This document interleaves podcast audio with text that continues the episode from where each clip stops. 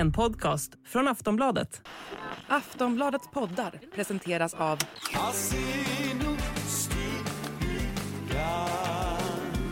Stödlinjen.se, åldersgräns 18 år. Vad, vad kan vara roligare än att följa tre quarterbacks under säsongen 2022-2023? Ganska mycket. Jaha. Ja. Redo? Mm. Du står still. Du står still. Inga kliandens någonstans.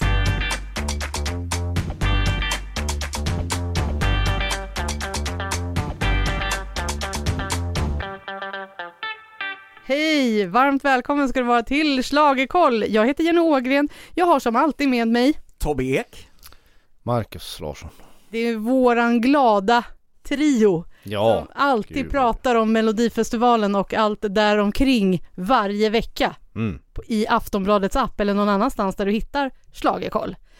Tobbe, du håller koll på mejladressen. Jajamensan, den är schlagerkoll snabel a aftonbladet.se Ja, för om du är helt ny och precis har hittat till Schlagerkoll så är det så att vi får en hel del mejl och vi tycker det är jätteroligt när ni mejlar oss om det som händer kring Melodifestivalen. Vi får också en hel del mejl som man kanske inte kan läsa upp riktigt för folk har eh, åsikter.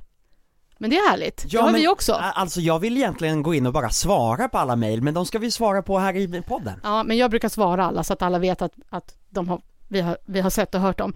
Eh, och det är ju så här, i det här avsnittet så kommer vi, vi kommer börja med att gå igenom lite vad som hände i veckan. Och sen kommer vi gå igenom alla nya låtar som ska tävla i Malmö. Och sen så ska vi också diskutera lite om hur låtarna har varit. För nu har vi ju faktiskt hört alla låtarna. Så det kommer vi också ta och snacka lite. Och givetvis ska vi också tippa vilka vi tror går vidare. Bra upplägg Marcus? ja för fan. Tobbe? Jajamensan. Tobbe, vad säger du om veckan som var? Men åh gud, och förlåt, och jag Har du glömt bort? Ja, nej men framför, jag, vi, jag Ni och var i Marcus har precis kollat på repen från de som eh, repar, eller som tävlar den här veckan. Ja. Så att nu måste jag bara rensa ur det och säga någonting om förra veckan. Ja, vilka var det som gick till final? Marcus och Martinus. Ja, tillsammans med Paul Ray. Jo, nej men det var väl liksom inte alls eh, dåligt eller, eller så. Eh, Marcus Martinus tycker jag ju gör ett jättehäftigt nummer. Eh, Paul Ray växte verkligen på scenen eh, och, och det liksom, eh, eh, ja men det var rätt. Som gick vidare. Ja. Ja, vad säger du? Rockjournalisten Marcus Larsson? Ja men alltså Marcus och Martinus var det enda jag brydde mig om förra veckan äh, egentligen om jag ska vara ärlig. Ehm, sen Paul Ray är ju ett tecken på att folk tränar för mycket i det här landet. Alltså det är ju klassisk aerobics och gympop.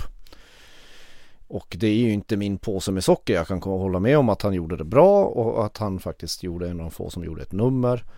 Men eh, jag vet inte. Det, Sam- där, det där är någonting som Bianca Ingrosso får spr- springa på till sitt förbannade löpband. Jag, jag, jag betackar mig. Har du sån koll på hennes träningsrutiner? Jag såg något svischa förbi på Instagram. Ja, titta! Hon letar efter, hon, hon tycker det är härligt med bra pump i musiken och sånt där. Jag älskar ändå. Marcus att du har koll på Bianca Ingrosso. Ja, men, men, men den låten får mig bara vilja kröka och skjuta olagliga saker i, min, i, i mitt blod. Men, Oj, visst, kul jag för trodde Paul du-. Jag trodde det fanns andra låtar som du hellre ville skjuta och Nej, den är okej. Den Jag är säger okej. bara att Ja. det är gympop.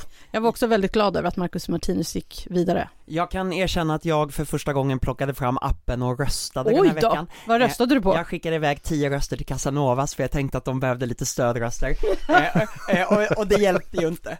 Men alltså, och så som vi tippade förra veckan, jag tippade ju ändå Casanovas till semi, för jag trodde att dansbandspubliken skulle älska att, de, att det var ett dansband med. Det räcker inte, och jag jag, tycker att det är lite synd för jag tycker att den låten, jag tycker att det är lite synd att den hamnade allra allra sist. Den hade förtjänat att komma lite bättre för att genren behövs i melodifestivalen. Låter jag för långt bort? Jag, får. Ja, jag du- du- äter upp mikrofonen Ja, du får, du får äta upp mikrofonen. Jag tyckte det var jättekonstigt. Jag vet Marcus att du gillade Melanie Weber, men jag tyckte det var jättekonstigt att den gick vidare. Ja, den, den ger mig ingenting. Jag tycker det är en jättefin skriven låt. Jag Ja. vidhåller det. Mm. Det är kanske inte någon så här jätterolig upplevelse men jag blev jätteglad att den gick vidare. Ja. Och, och det är ju en favorit för mig också, så att jag, eh, jag är superglad för hennes skull. Du var den enda, den enda i rummet som tippade den till andra chansen. vill Ja. minnas. Ja, men det är det här som jag tycker är så konstigt. Jag förstår inte vad jag, vad, jag ser det inte bara. Men så kan det väl vara då. Ja, Vadå? ibland är Jenny blind. Ja, Vadå? Och döv kanske också Ja. på en gång. Men eh, Marcus, vad sa mamma och pappa? Ja, har fortfarande min- inte gillat något. Min, nej, min pappa ringde upp och sa och hälsade att de gillade inte något. Eh, De röstade inte på någonting och de såg mest fram emot det nya countryprogrammet på P4. Ja, vad trevligt, vad mysigt för dem. Vad, Tobbe, vad sa din mamma? Ja men eh, mamma hade Ida-Lova som favorit eh, och sen gillade hon Paul Ray också.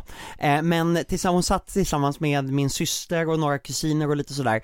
Eh, och, och de hade alla sagt att Marcus och Martinus kommer ju gå vidare men det var ingen som hade den som favorit verkar det som. Nej, mamma och pappa hejade på Nordman och Jaha. på eh, Paul Ray. Men tyckte att Marcus och Martinus ändå skulle få gå till semi. Det var ju snällt, Ja, Det var snällt. tycker jag. ja, det hade varit skandal om de inte gick direkt till final.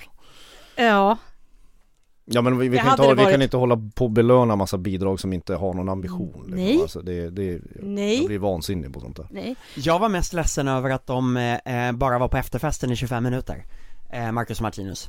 Eh, Ja. De var så helt slutkörda så att Jag de kom dit, eh, hämtade lite mat, gick upp på rummet. Mm. Eh, det hade varit roligt att bara få se dem njuta också av, eh, av, eh, av finalplatsen. Nästa vecka när det är semi, då tänker jag att vi också ska försöka ta någon form av summering av hur själva Melodifestivalen har varit i år. För att min dotter, hon eh, fyller snart 13, hon var så här när, när Habibi började, då så hoppade hon glatt och bara ställde sig och dansade och var med. Sen började Jesper prata om sin familj och då sa hon så här, nej, nu får du vara tyst.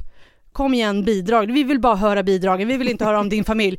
Och hon bara, nej jag ger upp. Hon sket i det, så hon gick iväg och satte sig och bara, jag vill inte titta på det här. Det är vid 13-årsåldern folk bru- brukar ge upp på det här programmet. Ja, jag tror att det kan vara så. Men sen kom hon och kollade i alla fall på Marcus och Martinus. Men ja, vi får diskutera det här lite längre fram helt enkelt. Mm. Nu ska vi snart prata om det som händer i Malmö, men vi tar en liten kort paus.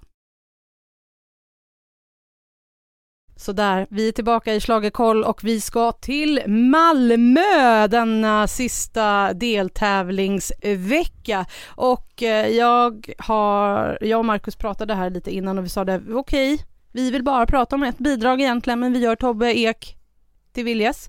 Och så ska vi prata om alla sex bidragen såklart. Det är klart att vi måste prata om alla, alla sju låtarna som är med och tävlar. Kommer ni ihåg att samtidigt nu i Malmö så pågår ju den här Ferris-festivalen. Nordic Fuzzcon. Eh, vi har redan fått bilder på, eh, på folk med stora svansar skickade till oss. Ja men eh, tror ni att de lila pandorna är där? Ja det, ja, det är väl där de hör hemma Ja. på något sätt. Marcus, vi ska börja med bidrag nummer ett som är Kiana som går ut med Where did you go? Hon som är 16 år och var med i Talang 2021. Ja, det, det, det här är en av, eh, det, jag funderade innan, finns det något annat att prata om än Loreen i Malmö? Och det här är väl det som finns tycker jag. Ehm, vi älskar ju debutanter i den här tävlingen. Det är många som har slagit igenom när de har varit unga tonåringar. Eh, och Tänker du på väl- sen Carola? Ja men hon var också 16 när hon Ja. tävlade med Främling. Eh, och då, då känns det nästan som en tanke att en 16-åring får inleda den här tävlingen. Men det som är imponerande med Kiana det är ju att, att, att jag har sällan sett en debutant i, i, i Melodifestivalen som har varit så färdig. Alltså så säker och så proffsig och, eh, och dessutom så har hon ju en röst som eh, till skillnad från hon själv inte behöver visa lägg på systemet. Det går ju nästan inte ens att förknippa den med, med hennes gestalt på scen på sätt. Eh, det enda som tar emot Kiana tycker jag det är eh, att, att eh, låtens refräng inte liksom räcker hela, hela vägen. Du Den- sa förut att det inte var en refräng. Jo det är det men den har en lite konstig uppbyggnad tycker jag. Det blir inte den där explosiva laddningen som det hade kunnat bli. Det är min in- invändning. Men det finns ingen som kan missa vad låten heter. eh, för, för, för refrängen består nämligen bara av upprepningar av låttiteln Where did you go? 35 gånger räknar jag till att de eh, sjunger låttiteln i, i den här låten. Jag tycker att det är ett ursnyggt nummer, Kiana känns jättesäker på scenen på ett torsdagsrep liksom så. Eh, så det ska bli jättehäftigt att se, men det här vi vet ju också att svenska folket i tv-sofforna brukar gilla att upptäcka nya talanger. Eh, och det här skulle mycket väl kunna vara en av de där upptäckterna i år, som man liksom röstar vidare för att man bara, gud vad bra hon är. Mm, jag, jag blev så förvånad för att jag missade henne i Talang, men jag blev så förvånad när jag liksom satte igång låten och började se henne komma där i någon liten Ja, muskort, återigen liten klänning med rosetter vid axlarna. Hon har håret, nu kommer håret säkert se annorlunda ut på, på lördag, men hon har liksom lite uppsatt, lite gulligt med en rosett bak och sen så börjar hon sjunga med en djup mörk röst som inte liksom går ihop med den här prinsesslucken på något sätt som jag tyckte att hon hade och det, det är säkert inte det hon vill ha, alltså vill vara en prinsessa. Jag hade mer tänkt så här, om hon hade sett ut ungefär som Ace Wilder gjorde i sin första gång med Busy Doing Nothing, coola brallor och en, en, en cool tröja, då hade det stämt ihop mera med hennes eh, röst. För jag tyckte verkligen att hon sjunger helt fantastiskt, håller precis med hon är så klar och duktig. Och Marcus, du sa, du har ju en du har, ju, du har ju redan tänkt hur det ska gå för henne kanske längre fram Ja i men framtiden. om hon vill satsa på det här så med, med rätt låt och nummer så kan hon med tiden vinna den här tävlingen. Hon kommer inte göra det med den här låten i år eftersom det kommer ett annat bidrag lite längre fram. Men eh, eh, jag tror att det här, om hon går, väljer att gå den vägen så, så tror jag hon har stora chanser att ta hem hela ballongen. Eh, vi får se. Vi får se. Nummer två ut är ju Signe och Hjördis som kommer med den lilla eh, folkmelodin Edelweiss. Mm. Tobbe, Ja men det här är ju något så konstigt som, som, som, som svensk folkvisa eh, som handlar om en blomma som växer i Alperna. Jag tror liksom inte att, eh, det, det känns som att Myra Granberg som har, är väl den som är ansvarig för texten här Just framförallt, Mm. hon har liksom inte tänkt till. Eh, för, för att, eh, eh, ja men Edelweiss har ingenting med något att göra för själva texten här är otroligt nationalromantisk. Det, det känns som Naturlyrisk, Ja, där gud. växter får liv. Och, Ja, och, och det känns väldigt så här ursvenskt. Ja. Jag tänker så här svensk nationalsång liksom så. Eh, men, och så kommer Edelweiss in där. Men det är väldigt gulligt och tralligt, otroligt, otroligt snällt. Om Kiana då eh, var lite sexy cool i, i sitt nummer så är ju det här eh, eh, de snälla flickorna på skolavslutningen. ja det är det verkligen och de ser ju också väldigt snälla ut. Men jag vet eh, Tobbe, för jag läste din blogg, jag såg att du efterfrågade att de skulle sjunga, ta i lite mer, men det var ju någonting. Eh, Ja, eh, det, det vi har sett nu är ett torsdagsrep och, och de, eh, de- de berättade för, för Stina, vår kollega som är i Malmö, redan nu, att, att de har varit lite krassliga och därför liksom håller lite på rösten, att de inte riktigt har hunnit sjunga ihop sig. riktigt. De sparar på rösten helt enkelt. ja, men jag tror också att det har med nervositet att göra. Alltså de ser ju ut som två rädda harungar på torsdagsrepet.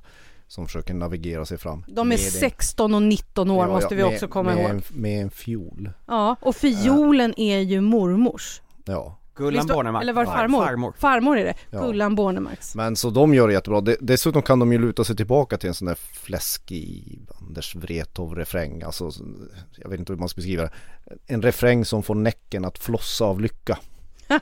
Jo men det är ju jätteeffektivt. Men, men eh, för de som liksom förväntar sig Sarek eller Timotej så, så är det liksom, det finns inte det där hårda poppiga i det, det är Nej. mycket mer av en så här snäll visa. Ja, ska det är vara. väldigt, väldigt snällt. Om vi, Lite sådär skolavslutningsvisa. ja, men vi kan bara läsa lite ur texten. Men när vinden dansar över ängarna så talar träden om hjältemod. Hör grönskan spela över strängarna. Låt dem sjunga om vår Edelweiss. ja, Edelweiss kommer som Ja, nej men jag vet inte. Det, det verkar som att eh, eh, Myra Granberg, Men- eh, men- men det känns man- ju som allt annat rimmar och sen bara stopp. så kommer Edelweiss där. Men Edelweiss, är inte det någon sån här konstig sån här långsökt eh, schlagerreferens till Sound of Music? Jo, han sjunger ju Edelweiss i den. Ja, eller, eller så, så har Myra Granberg lyssnat på Håkan Hellström. Ja, för sent för Edelweiss. Ja, Ja. tänk. Eller? Ja. Ja, vi får se helt enkelt hur det kommer gå om, de, vi, vi, om vi tippar dem någonstans. Vi får se. Mhm. För sen kommer det, sen kommer det första rockbidraget i årets Melodifestivalen. Varför jag skrattar är för att Marcus står liksom och och skakar lite på huvudet. Smash Into Pieces kommer med låten Six Feet Under. Nu får du börja Marcus. Ska jag börja med Ja, den här? varsågod. Det här är väl rock som du gillar Marcus? Alltså smakdomstolen i Haag Har de ringt? brukar dela ut liksom ganska hårda domar Ja, mot sån här 90-talsinspirerad shortsmetal med keps. ja men de är Eh. lite nickelback, lite... Nickelback, de är ju mer såhär Limp Bizkit och, och Ja, men- men, Linkin Park Linkin tror jag de Park, skulle, ja. skulle de vara väldigt jag nöjda var- med om de skrivit det här. Ja. Och De- det här är, nu verkar det som att jag, jag kommer totalsåga det här bidraget. Det kommer jag inte alls göra. Jag tycker det är faktiskt det, det, det, är, det är ett rätt bra bidrag och en bra låt. För det, det de gör smart i den, i den här i, genom att vara rock i Melodifestivalen det är att de har en sån här refräng som fångar alla. Den Absolut. är, den är både blöja och bärs på något sätt. Mhm. Vad säger Tobbe? Jo men det här är ju den typ av rock som jag gillar, och Marcus brukar skaka på huvudet åt. eh, eh, effektivt, det jag gillar med det här är att visst är det skrivet till Melodifestivalen, men det är inte skrivet så övertydligt till Melodifestivalen, utan det här är liksom det som Smash Into Pieces brukar göra. Mm. Ganska melodiöst, poppigt, rock. Nej och sen Ja. gör de ju numret, det är ju lite nedsläckt också. Det är, det är, ju, det är ju en sån där dödssynd man inte ska göra i den här tävlingen. Men det, det, det tror jag de här tjänar på. Och sen skadar det kanske inte att de har Kylo Ren, den gamla Jedi-riddaren på trummor. Ja men det, är, det som är så speciellt också med numret, är han är ju frontmannen fast han sitter bakom trummorna. Det som vi också upptäckt nu, och det här vet säkert alla Smash Into Pieces fans redan, hans händer är ju helt svarta. Han, må, han målar dem svarta måste han ju göra. Jo men det här är ju en skådespelare. Ja precis, det är en gimmick, man eh, vet ju inte ens vem han är. Nej, och, och ska jag gissa så är det olika killar som de hyr in. Var, varför skulle de ha någon, eh, det är klart att det är. Eftersom alla andra är namngivna, någon måste ju tjäna pengar på det här och så tar de in någon snubbe som kan spela lite trummor. Det, skulle, det, det är min gissning. jag, jag, jag, jag gissar inte. Jag Jag, tycker, jag, tycker, jag, jag trodde att det här skulle vara mycket värre än vad det i själva verket var. Kan väl säga. Men, men vet ni vad, vet ni vad jag har tänkt eh, på? Eh, De är från Örebro Ja. och Örebro har i år levererat epadunk och rocken till Melodifestivalen. Får vi ändå ge Örebro en liten applåd för. ja, jag kan ge en halv applåd. Ja. Jag vet inte om man ska kalla det epadunk som Nej, men, raggen går. Ja, men nästan, lite grann. Ja, ja, Ja. visst. Men det blir eh, lite spännande att se eh, om det här faktiskt eh, lockar rockfansen i Melodifestivalen, tycker jag. Ja, Det, Jag gillar, jag tycker också precis som Tobbe att det är en helt eh, okej rocklåt. Som funkar i det här sammanhanget. Ja, jag, ty- ja, ja, men jag håller med. Sluta titta på mig. Sen tycker jag Men att vadå? själva genren i, ute, Jag måste utan, titta på er båda.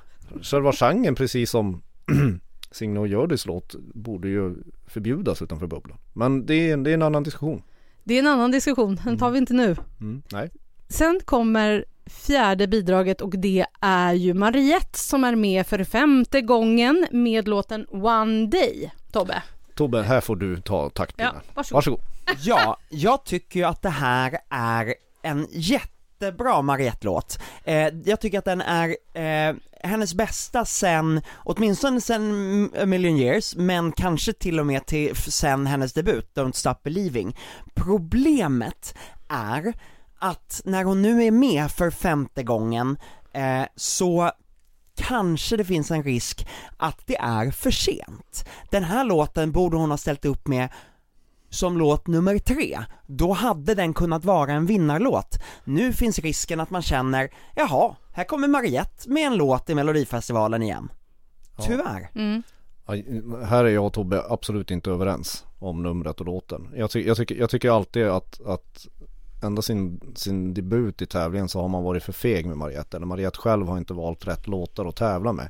För att det, det, det som är frustrerande med henne det är att hon har alla möjligheter att vinna hela tävlingen. Men då tror jag att hon måste gå till ett mer vågat och utmanande håll. I hennes första låt som ställde upp Melodifestivalen då tittar hon på Kate Bush. Här känns det som att man går tillbaka och tittar på, på, på någon gammal ABBA-melodi i verserna. Och, och, och hon, hon, hon anstränger sig tycker jag lite för hårt att smälta in istället för att sticka ut. Hon skulle tjänat på att ta ut svängarna mer. Varför, Jag känner det varje gång jag ser henne. varför får hon inte den hjälpen då, att sticka ut lite Ja, mer? det, jag kanske inte vill. Jag vet faktiskt inte. Tobbe gillar ju det här och det, och det, är, det kan faktiskt i, ofta vara ett tecken på att bidraget slutar som nummer fem. Ja, men det Men ibland- Tobbe... Ja. Men ibland så är han, har han, är han helt med folket och tittarna också. Ja. I Jag en, tycker det här är för slä, slätstruket helt enkelt. I en annan deltävling så tror jag att hon hade varit solklar till final, men, och hon har de fyra gångerna tidigare hon har tävlat har hon gått direkt till final Mm. Det kanske blir lite svårare den här gången Kan bli som för Victoria, vi får se. Mm. Eh, jag tycker ju att det här numret är otroligt beige. Ja beige är det, det är alltså ju, det är så ju beige. färgen. Jo men alltså, hon, alltså det är De ju den... Tre- jordfärger. ja men det är, den trend, det är den trendigaste färgen du ska ha på kläder, som du ska ha i inredning. Men vill vi ha beige i Melodifestivalen Tobbe?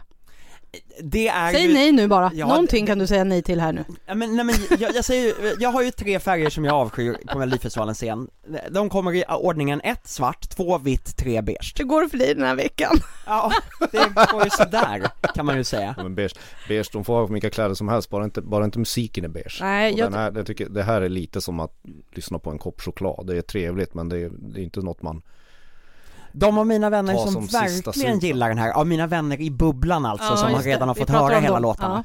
Eh, De jämför gärna den här med Lale, det känner jag kanske inte alls. Eh, eh, men, men jag tycker att den, jag tycker att den har jag, eh, nej men jag tycker att det här inte alls är en dålig låt. Jag tycker att den är jättetråkig. Jag, men jag tror att Maria kanske går vidare på grund av sina meriter. Men det trodde jag å andra sidan om Victoria också. Ja, Och jag, ja, vi får se hur det går helt enkelt. Vi har tre bidrag eh, som vi ska fortsätta prata om om en liten stund. Vi är snart tillbaka. Det här är Schlagerkoll som du lyssnar på. Nu ska vi gå in på de tre sista bidragen i deltävling nummer fyra i Malmö. Och nu kommer Emil Henron och innan du säger någonting Tobbe, han tog han redan börjat juvla. Ja. Det, vad, vad Hans är det låt, för fel Emil? Emils låt heter Mera, Mera, Mera och jag gissar att du har gått och nynnat och studsat till den här låten hela dagen. Är det så? Ja men ja, lite grann, men jag måste säga att när Marcus och jag har suttit där nere i melodifestivalen, vårt melodifestival War Room, så har även Marcus eh, kommit in på den här texten ett antal gånger. Det här är ju något så otroligt märkligt, som en mashup av alla melodifestivalschlagerlåtar som tävlat från 98 till 2004. Eh, det, det, det är liksom som att de här låtskrivarna har Som är 18 stycken. Ja men, eh, de är, det- är ju ett gäng där som är så här li- credpajsare, Ja. som absolut inte skriver den här typen av musik egentligen, och som antagligen inte har tittat på melodifestivalen sen 2002, eh, och så gick de in i studion och tänkte att nu ska vi skriva en låt, så här låter en låt i melodifestivalen, och så har de skrivit den, och Emil, som ju är musikalartist, han älskar melodifestivalen, han älskar den här typen av slager. Så att de har ju liksom bara staplat eh, eh, eh, referenser som ska kännas lite härliga och lyxiga och lite extra allt. Men, men det är därför också så otroligt mycket mitt guilty pleasure. Jag tycker att det är något Ja men, när de struttar fram och tillbaka på scenen och, och liksom gör varenda schlagerkoreografi som finns eh, och, och, och Emil verkligen lever ut de där inre schlagerglitterdrömmarna där. Ja men jag tycker att det är något härligt över det, men också något otroligt daterat och konstigt. Och den, kom, jag kommer inte ta fram mobilen och rösta den här gången, tror jag, tror jag inte i alla fall. Det tackar vi dig Men, för. men, men det är mitt guilty pleasure, eh, jag kanske är ensam om det, men jag kommer att älska det här på många sätt. Ja, Ja, Markus, du bara skrattar. ja, men det är ju som att en ostädad kattlåda har skrivit text och musik till den. Alltså Nu- det, det här är ju liksom inget bidrag, det är ingen låt, det är, det är, det är ju Babblarna med ett par byxor. Liksom. Nu ska vi säga det är ju bland annat Emil då som har skrivit låten och J Nilsson, Jakob Redstell och Marlene Strand. Det är de som har Ja, skrivit alltså, den. Mm. ja, texten, alltså kuppebevisan får, får, framstår ju som Prata Thomas in- ja. Tranströmer Ja, det Vi pratar aldrig illa om köppebevisan du inte. Nej, nej, det är nej. det nej. jag säger, Fontjenkor. Alltså det, det, den är roligare. Men, men det här, nej, alltså jag, han får ett plus för glädjen. Han får ett plus för att han gör en Lena Philipsson, eh, Kärleken evig, eh, axeldans. Ja, jag, jag kan, säger, jag säger ju det, han Ja. kör alla koreografier. Ja. Ja, men-. Eh, ja men alltså det, det, det, det krävs mod för att våga göra bort sig så här mycket. Ja, men, Ja. Det som jag inte riktigt kan bestämma mig efter att ha sett hans första repetition, det är hur mycket han gör det med glimten i ögat och hur mycket han gör det på allvar. För att låten borde vara med glimten i ögat, men samtidigt så är det inte humor på det sättet som värsta slagen drog ut alla referenser Ja, ur en, mell- ur en mellolåt liksom.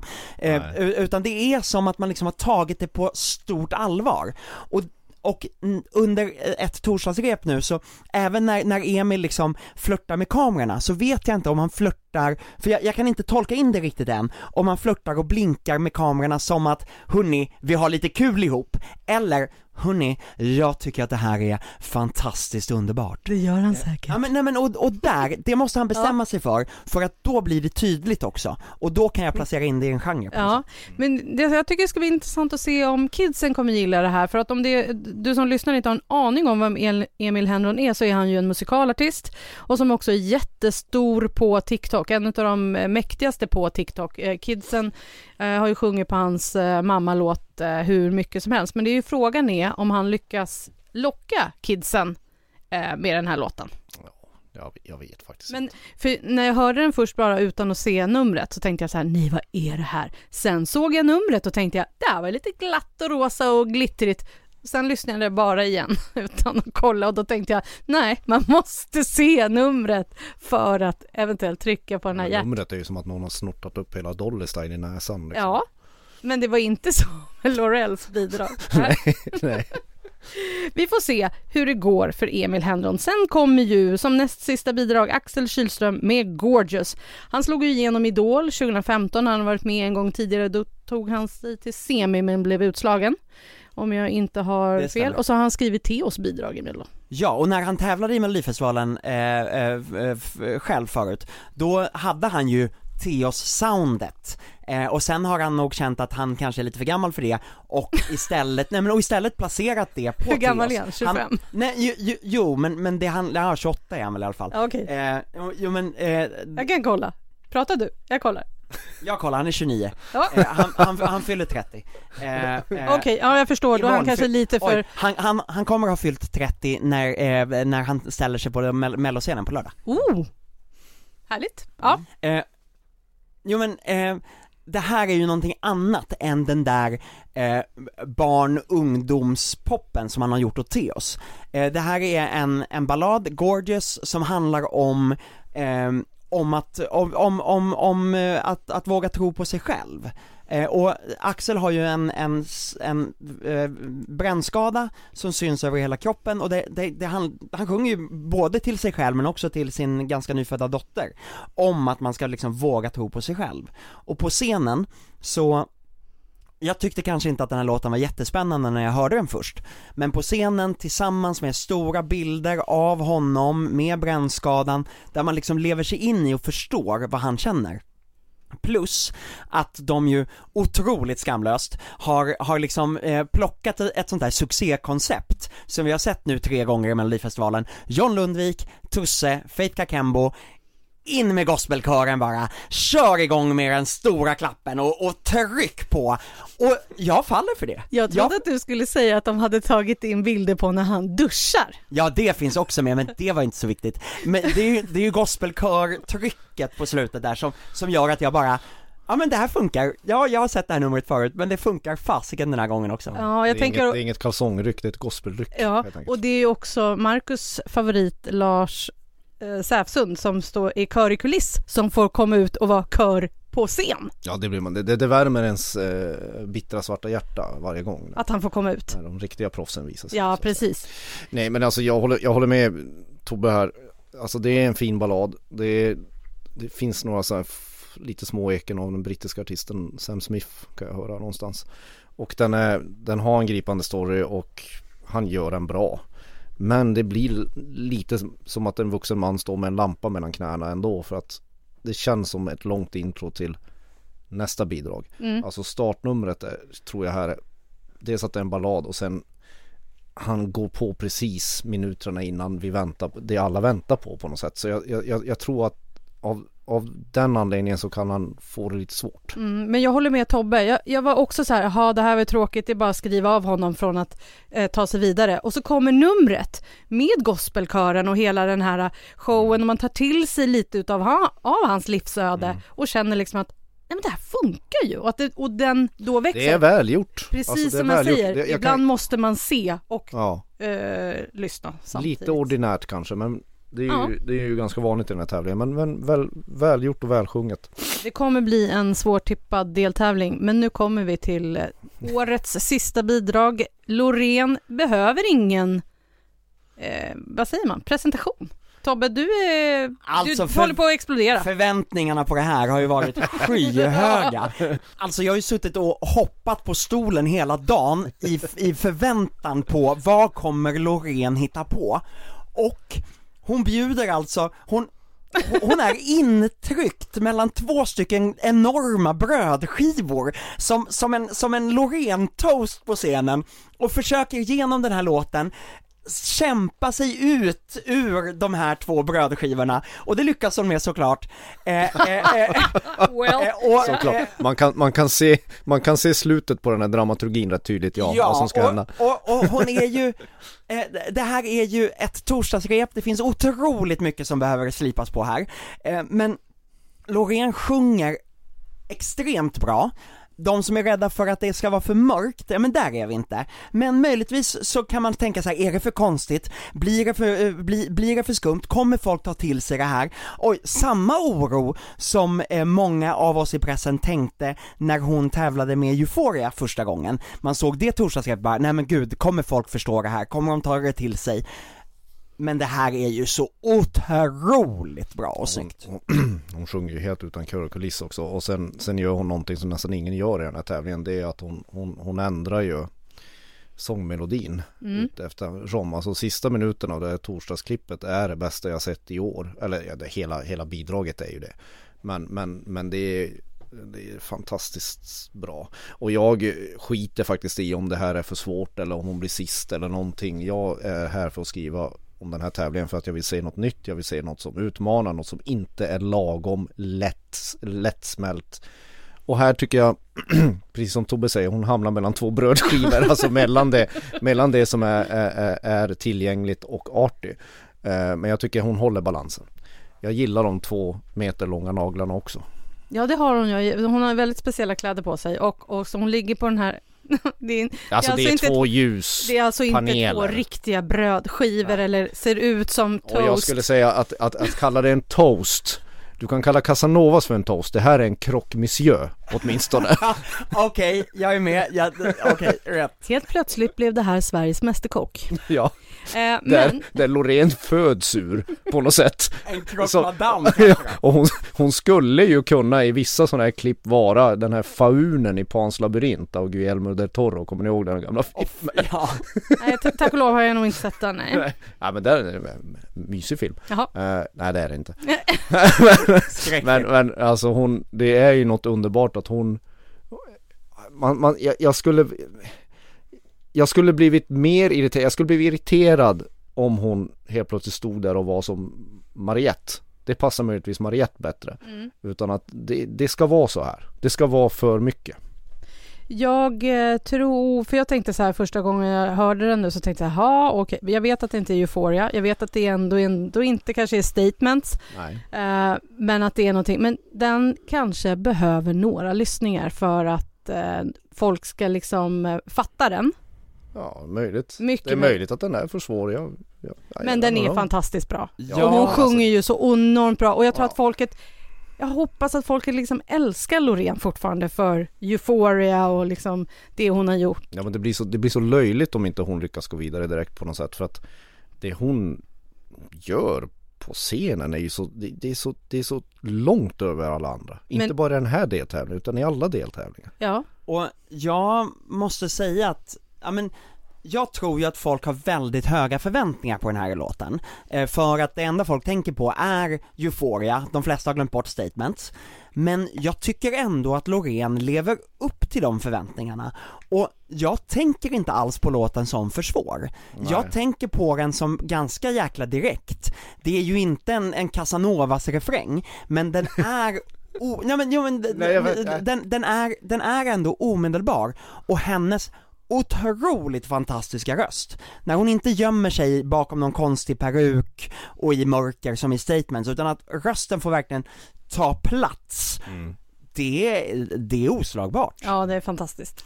Det Ja, ska men vi det, se blir, hur det blir lite löjligt, alltså, det, det, alltså det, det, det, jag tycker det är roligt att det är så här men det blir lite löjligt och det blir det ofta i den här tävlingen när, när, när sådana här artister lyckas göra sådana här nummer. Och man kan väl säga så här att eh, efter att pressen fick höra låtarna igår eh, eh, efter att pressen fick höra låtarna under tisdagen och eh, ett enminutsklipp på låtarna släpptes så att alla kunde lyssna på det mm, under torsdagen så har Sverige liksom cementerat sin plats som tvåa på, spel, på sp- spelbolagens odds att vinna Eurovision. Det har bara med Loreen att göra, det har inte med någon, något annat bidrag i Sverige att göra.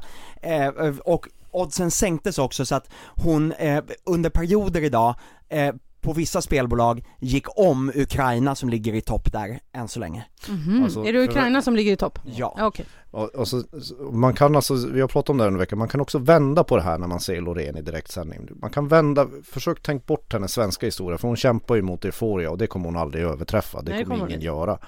Ehm, eh, det är hennes ständiga fotboja på något sätt. Men om man sitter och tittar på Eurovision, man kan försöka föreställa sig det, och en Loreen från ett annat land hade dykt upp. Man hade reagerat. Jag lovar dig att man hade reagerat på henne i det här numret och tänkt att vad, vad 17 är det här för någonting? Vad, vad, vad, vad, vad har Slovenien skickat i år liksom? Så bra är det. För vi behöver ju skicka den typen av bidrag. Vi kan inte Mm. skicka någonting som är slätstruket. Det är ju 40 låtar som ska tävla. Nej, och jag tror, alltså, jag tror, alltså, jag kan vara rätt dissig mot de svenska tv-tittarna ibland eftersom det är Va? mitt förbannade jobb. Ja men det har varit så mycket genom åren. Men, men samtidigt så, jag vet också när, när jag följer så här, i alla fall Aftonbladets chatt att folk ställer om i tiden. Alltså man, det är ganska många som tänker vad ska vi skicka? Och, och, och folk vet att vi inte kan skicka mellanmjölk alla Ja. gånger, inte alla år men jag tror att det här kommer fungera, jag tror det. Ja, Vi är ju två veckor från final, eh, så att eh, vi, vi får väl se till så att Loreen tar sig vidare från sin Alltså jag menar inte finalen ännu, missförstå, för- det, det lät fel där men jag tror det kommer fungera i Malmö och så tar vi resten sen. Liksom. ja vi får ta det sen. Men, men det, vi, det jag menar det Jenny pratar om att hon är rädd att den blir för svår eller som ni har sagt, det, det, det hoppas jag verkligen inte den blir nu i Malmö. Nej, vi får se hur det går Jag helt ville, bara, så här, Ja. jag ville bara så, så tanken att fan hade vi sett den här artisten med den här låten i Eurovision så hade vi reagerat. Det, det är, må, det är inte, man kan inte säga det om så många andra som Nej. bidrag i Melodifestivalen i år. Jag håller med dig Mar- eh, Marcus. Jag håller på att kalla er båda två för Marcus Martinus. Ja, Det är vi. Ja, det är ni. Men Vem, vi- vem, vem är jag i den? Ja, båda låter ju som Erik Saade, så vi är båda Erik Saades barn kan man säga. vad mysigt. Ja, Ja, kommer vi, från hans pung. Okej, ni förstår hur vi har det här i, i, i poddstudion nu. Trötta eh, efter en lång dags jobb. Nej, nej, såklart. Du är så pigg och glad så. Eh, nu ska vi, vi kommer tippa om en liten, liten stund eh, vad vi tror kommer ta sig vidare.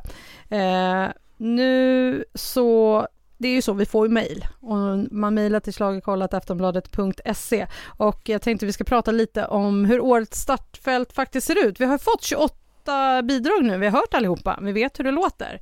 Eh, och vi har fått ett mejl från Soraya. Eh, för många som eh, kanske lyssnar på podd på Aftonbladet så vet vi att hon har varit här hos oss förut och jobbat. Eh, och Soraya skriver så här, lyssna på veckans podd och har en fråga till er om ni hinner med någon gång. Jag kanske missat att ni redan tagit upp det, men jag upplever att ambitionsnivån på uppträdena har minskat något oerhört det här året. Att dansarna är med i färre nummer och får mindre att göra. Har knappt sett en kör på evigheter.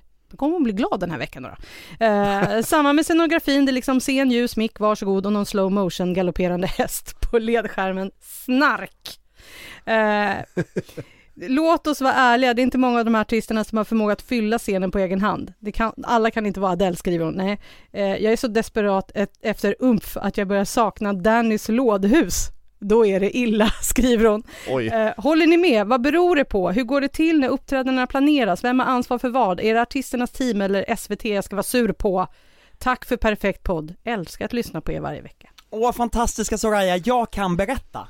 Eh, därför att det ehm, är så att skivbolagen kan ju välja att gå in med egna pengar, eller så erbjuder SVT nummerkreatörer från sitt håll.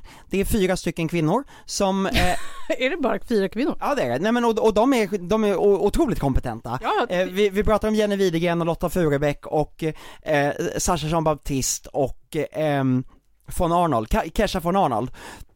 De är otroligt kompetenta, men det finns också en liten bekvämlighet i det, att eh, om inte artisten själv har en otroligt tydlig idé, så blir det ganska, det blir ganska likriktat. Och i det här så måste man ju säga det att eh, när SVT, eh, när, när skivbolagen inte går in med egna pengar för att de inte tycker att det är lika mycket värt att satsa på. Därför att det viktigaste för skivbolagen är att låtarna streamas på radio och då spelar scenshowen inte så stor roll. Nej, men då blir det mer, och, eh, mer nedbantat, enklare, lite tröttare om inte artisten själv har en otroligt tydlig idé. Men jag tycker också att de flesta koreografier som man också får se är så otroligt lika varandra. Och det beror på att det Ja. är samma fyra kreatörer som gör det här. Det här är också kreatörer som eh, har gjort nummer till Eurovision under många år. Det skulle behöva komma in lite nya influenser. Mitt förslag skulle egentligen vara att SVT skippade egna eh, sina egna inhouse-kreatörer och istället säger Hörni, eh, ni får den här budgeten till att ta in någon här har ni en, eh, en, en, en buffé av olika kreatörer ni kan välja. Ja, alltså det har ju också med det, all, Jag håller med om allt Tobbe säger och sen har det, det, har med, det har med pengar att göra och det har med tekniken att göra hur, hur folk konsumerar musik. Eh, skivbolagen är inte och inte artisterna själva, alltså de vill inte satsa lika mycket pengar på det här längre. Och det är väldigt få som har viljan, förmågan eh, att, att, att satsa liksom mot Eurovision. Att göra sådana här supernummer som vi kanske var lite bortskämda med förut. Än, än, än vad det är idag. Så det, det, det, det är en budgetfråga alltihop. Budgetfråga och vad, hur folk konsumerar musik. Men, men vi har ju också pratat de här veckorna om att, eh, vad heter det, det är för lite show. Och att vi tycker att det är ganska tråkigt, det verkar inte vara några av artisterna som har några direkta ambitioner då, förutom kanske Loreen och Marcus och Martinus. Paul Ray hade ju en härlig dans, Mm. men annars har det varit ganska fattigt. Ja men det är för att det är en budgetversion av vad vi är vana vid. Det är så krasst Men kan, eh, enkelt. kan SVT verkligen vara nöjda med det här då? Ja, så länge de har de tittarsiffror de har. Vi får ju se hur, det där får vi återkomma till efter finalen när man, när man ser hur Mm. tittandet har varit. Det är det som bestämmer det. Det, det är inget annat. För det är, man ska komma ihåg att allting som syns i rutan under, under de här 90 minuterna. Säg det här cirkussällskapet i, i första avsnittet i Göteborg. Just det. Allt det, varenda person som syns bara någon sekund kostar pengar. Alltså det, det, det var, det, och, och, och jag, tror inte, jag tror inte man är riktigt beredd att just nu satsa så mycket på det här. Men även då Tobbe, om man har haft bra tittarsiffror förra året, kan man verkligen leva, alltså, med tanke på hur snabbt allting går numera, med att man liksom konsumerar eh, musik och tv och allting på så himla annorlunda sätt, kan man verkligen luta sig tillbaka och tycka att ja men tittarsiffrorna förra året var ju bra, då kör vi bara på så här som det har varit. Det är ju precis det som SVT gör. Eh, nu i år så ligger ju än så länge tittarsiffrorna på mellan 2,5 miljon tror jag att den sista, senaste tredje deltävlingen hade, de andra har haft uppåt 2,8 om jag inte minns fel. Och det här är ju fantastiska siffror för SVT, men det är lite jobbigt att På spåret nu ligger och tangerar, eh, På spåret-finalen tror jag faktiskt hade högre tittar, eh, åtminstone hade live-tittarsiffror än vad Melodifestivalen hade dagen efter. Eh, men Ja, SVT kommer att fortsätta hävda, vi har så mycket tittarsiffror, vi behöver inte ändra. Eh, och framför allt så är det det här, man måste hålla hårt i pengarna. Och när skivbolagen inte ser ett värde i att pumpa in mera pengar själva, Ja, det gör de inte längre, ja men då blir det så här och då blir det fattigare och jag tror att enskild, alltså en enskild tv-tittare kommer inte titta på ett nummer och tänka oj det här blev lite, men som Soraya så, så får man en helhetskänsla av att ah, är det inte lite fattigare? Jo, det är det. Och det, det, det har ju med mellanakter och hela inramningen att göra. Det har vi ju tjatat om när vi har gjort den här podden i massa år. Att allting spelar ju in. Alltså om inte inramningen är tillräckligt bra så, så, så, så uppfattas inte bidragen lika bra heller. Alltså allt är en helhet i det här. Allt spelar in. Yes.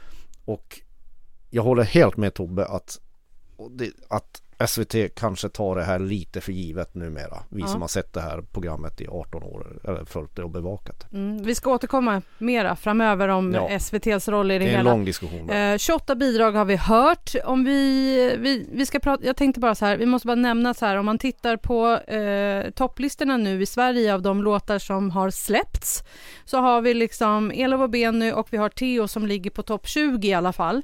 Men sen är det tomt. Och man hör ingenting av Nordman, Viktor Krone, eller Tennis Tes eller Melanie Weber som alla har eh, gått vidare till semifinal. Men det kanske brukar vara så här eller? Ja men jag har tittat lite på eh, siffrorna när låtarna har streamats, alltså direkt eh, på söndagen efter respektive eh, deltävling. Och, och då, då har låtarna gått in lite sämre måste man säga jämfört med eh, tidigare år. Teos är den som har gått in högst, han gick in på plats nummer 9, Elof och Beni gick in på plats, eh, nej nummer 5, Elof och Beni på plats nummer 9. Eh, men Viktor Krone till exempel var ju, var ju inte ens på topp 50 och inte heller Melanie Webe, eh, som båda har tagit sig till semifinal. Eh, så att det är inte jättebra får man säga, men å andra sidan, är det det du ska säga Marcus? Du står och nästan Nej, jag, jag står bara och beundrar din inlevelse. Ja, jag, eh, jag, jag beundrar dig ja, men, eh, Jag tycker eh, du är en vacker människa. Vi kan inte riktigt konstatera än om det är ett floppår, för att när alla låtar släpps efter den fjärde deltävlingen, under semifinalveckan och finalveckan, då brukar det komma igång. Mm. Eh, och då, då, då streamar man liksom hela skivan, eller, eller liksom det som är hela Hela skivan. spellistan. Ja, exakt så. Eh, tack. Ska ut och köpa CD-skivan? Det är jag nästan lite sugen på faktiskt. Men jag ska inte. Ja men alltså så är det. Alltså vi kan inte, vi kan inte, man kan inte börja bedöma den kommersiella hitpotentialen i dagens, i årets startfält förrän efter andra chansen, veckan efter andra chansen. Då vet vi. Men om det Du menar ser, semifinalen? ja, ja, ja, förlåt, semifinalen. Men då vet man och går, det riktigt dåligt, ja då, då kommer ju inte skivbolagen vara ännu mindre intresserade att, att, sy, att, att ställa sina eh, artister och eh, låtar i, i det här sammanhanget. Ja, men då är det dags. Då får vi göra en analys lite längre fram helt enkelt. Ja, den går inte att göra nu. Nej, jag tycker ju ändå att det känns som att det är lite svagt år. Jag har inte lust ännu att lägga in någonting annat än. Loreen och Marcus och Martinus på någon lista. Alltså, Tobbe, Tobbe Ja, står han och viftar. viftar. Ja men och, och det här är lite roligt för att jag pratade med en, eh, eh, en tjej som jobbar i huset, inte journalist, eh, lite spontant bara, och hon är, hon har nog inte fyllt 30 än, eh, men gillar Melodifestivalen och hon bara 'Gud det är så mycket bra låtar i år' och det gjorde mig så glad! Ja.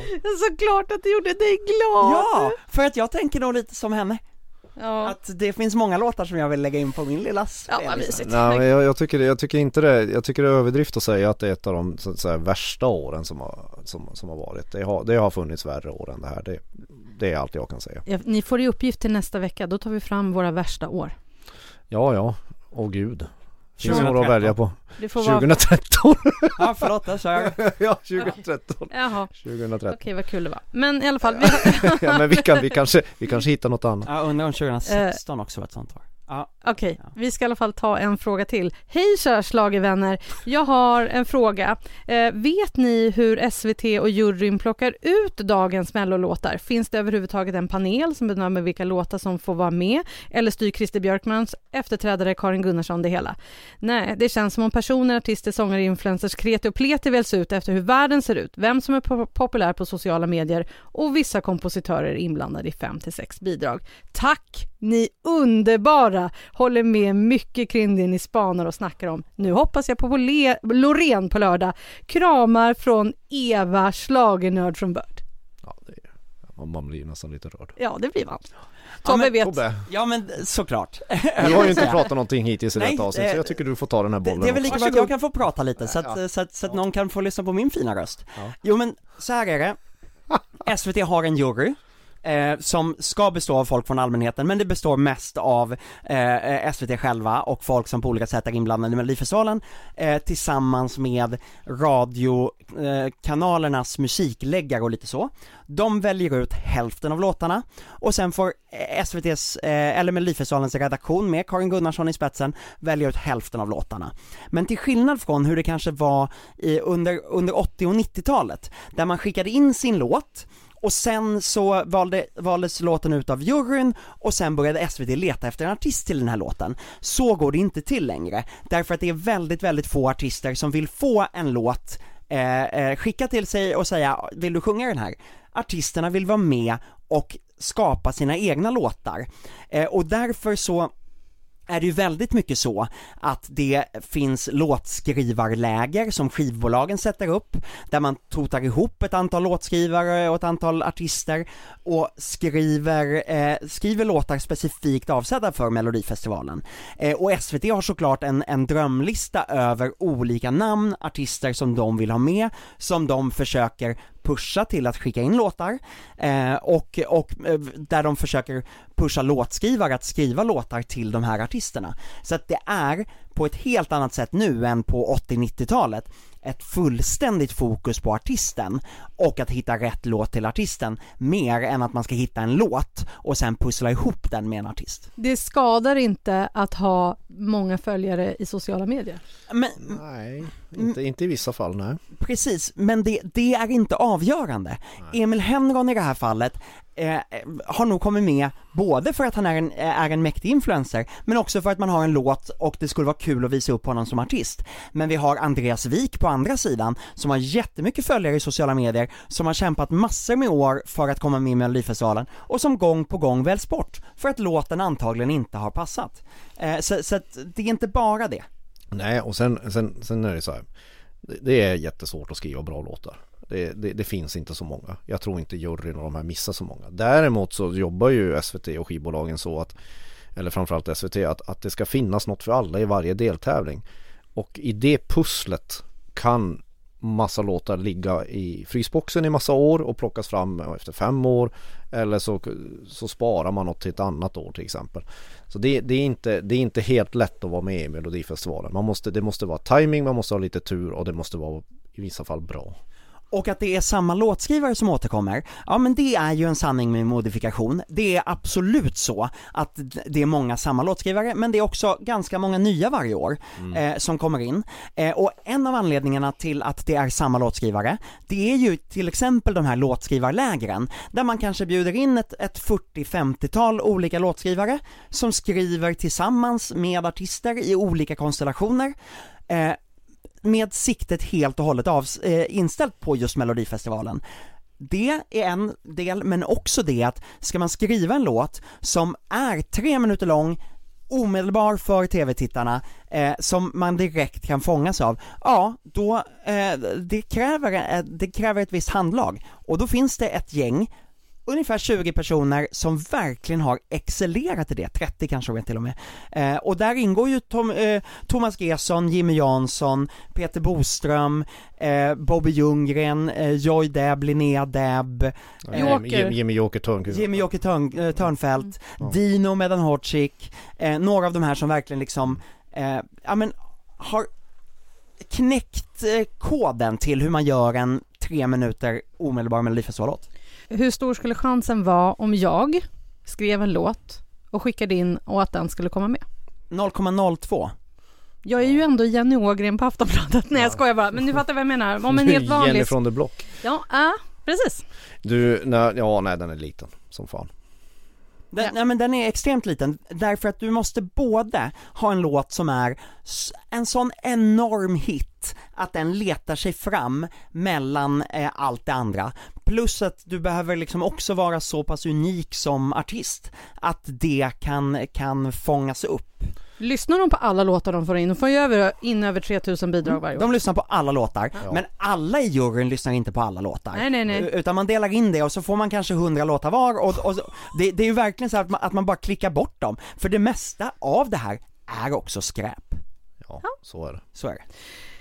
Tack för era tankar om det här med låtar. Eva, jag hoppas att du har fått lite eh, svar på... En, en, en sak till där, eh, alltså det där med att, att eh, om du Jenny skulle sitta hemma, plinka på ditt piano och sjunga lite på ett kassettband och skicka in det. det han- Kassettband, jo, jo men, ja. nej men så här. det handlar ju också om att är låten i princip färdigproducerad? Det, det är ju också en sån, alltså det, det där, eh, det, eh, det där hobbyskrivandet, plinka på en gitarr och spela in och skicka in, det, det ratas nog väldigt snabbt också, om det inte är någonting som sticker ut så otroligt mycket där. Spännande. Ja, men tack snälla för detta. Nu så ska ni få tippa vilka som tar sig till final och semifinal. Tobbe, vill du börja? Ja, jättegärna. Eh, och eh, här är, Loreen tar första semifinalplatsen, nej för, första finalplatsen. Jaså, oj. Oj, nej, Loreen tar första, hon måste gå direkt eh, där. Och sen tror jag att Kiana tar den andra faktiskt. Därför att jag tror att folk imponeras mer av henne eh, än de är nöjda med att, eh, att Mariette är tillbaka. Mariette tar däremot en semiplats, och nu så skulle jag nog egentligen tippa Smash Into Pieces, den andra semin, men jag kommer istället säga Signe och Hjördis, för att jag skulle verkligen, verkligen vilja att det för första gången i moderna Melodifestivalens historia blir fyra tjejakter som tar sig vidare. Har aldrig hänt förut, det finns en liten möjlighet till det den här gången. Loreen och Kiana till final. Smash Into Pieces som Mariette till, andra, till, till Övik. Ja, jag tänker exakt likadant till final. Jag tänker också då att jag ska sticka ut lite med semifinalen. Jag tror också att Smash Into Pieces går till semi. Men jag slänger in Emil här då. Oj, Henron? Jajamän. oj, Va? Tänk om han vinner kidsen.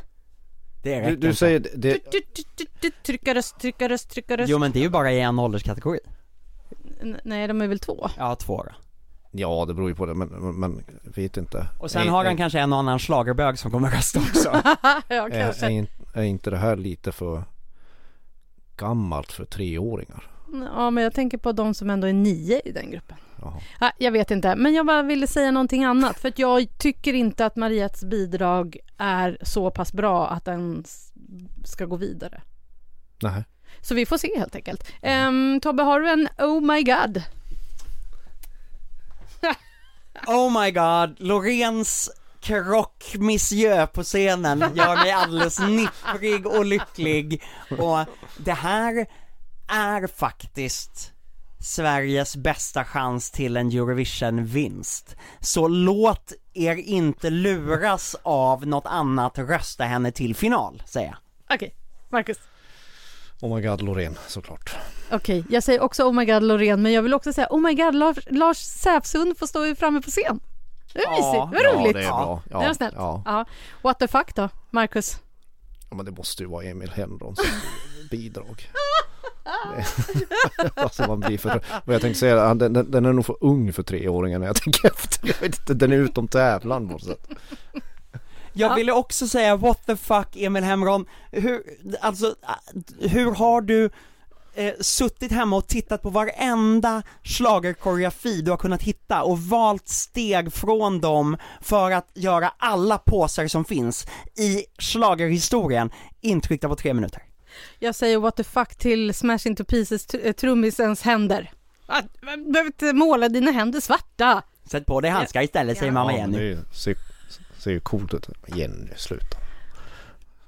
Skärp dig. Ja, det är, det är, ja, jag ska skärpa mig och det är dags att eh, sluta för Ja, Schlagerkoll är är, så Tack. klara för den här gången.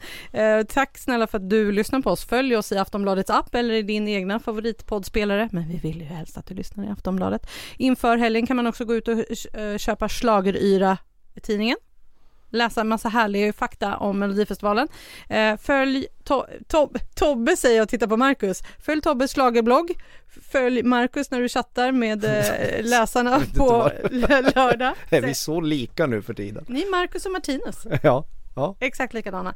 Eh, nu Och det säger... roliga där är att det är Marcus som är Martinus och jag som är Marcus. Jaha, så kommer det vara hela Ja. tiden nu. ja. Eh, Jenny Ågren, Tobbe Ek och Marcus Larsson säger tack och hej för idag. Valar Morgulis. Ja, nu måste du säga någonting också då. Hej då! Hej då!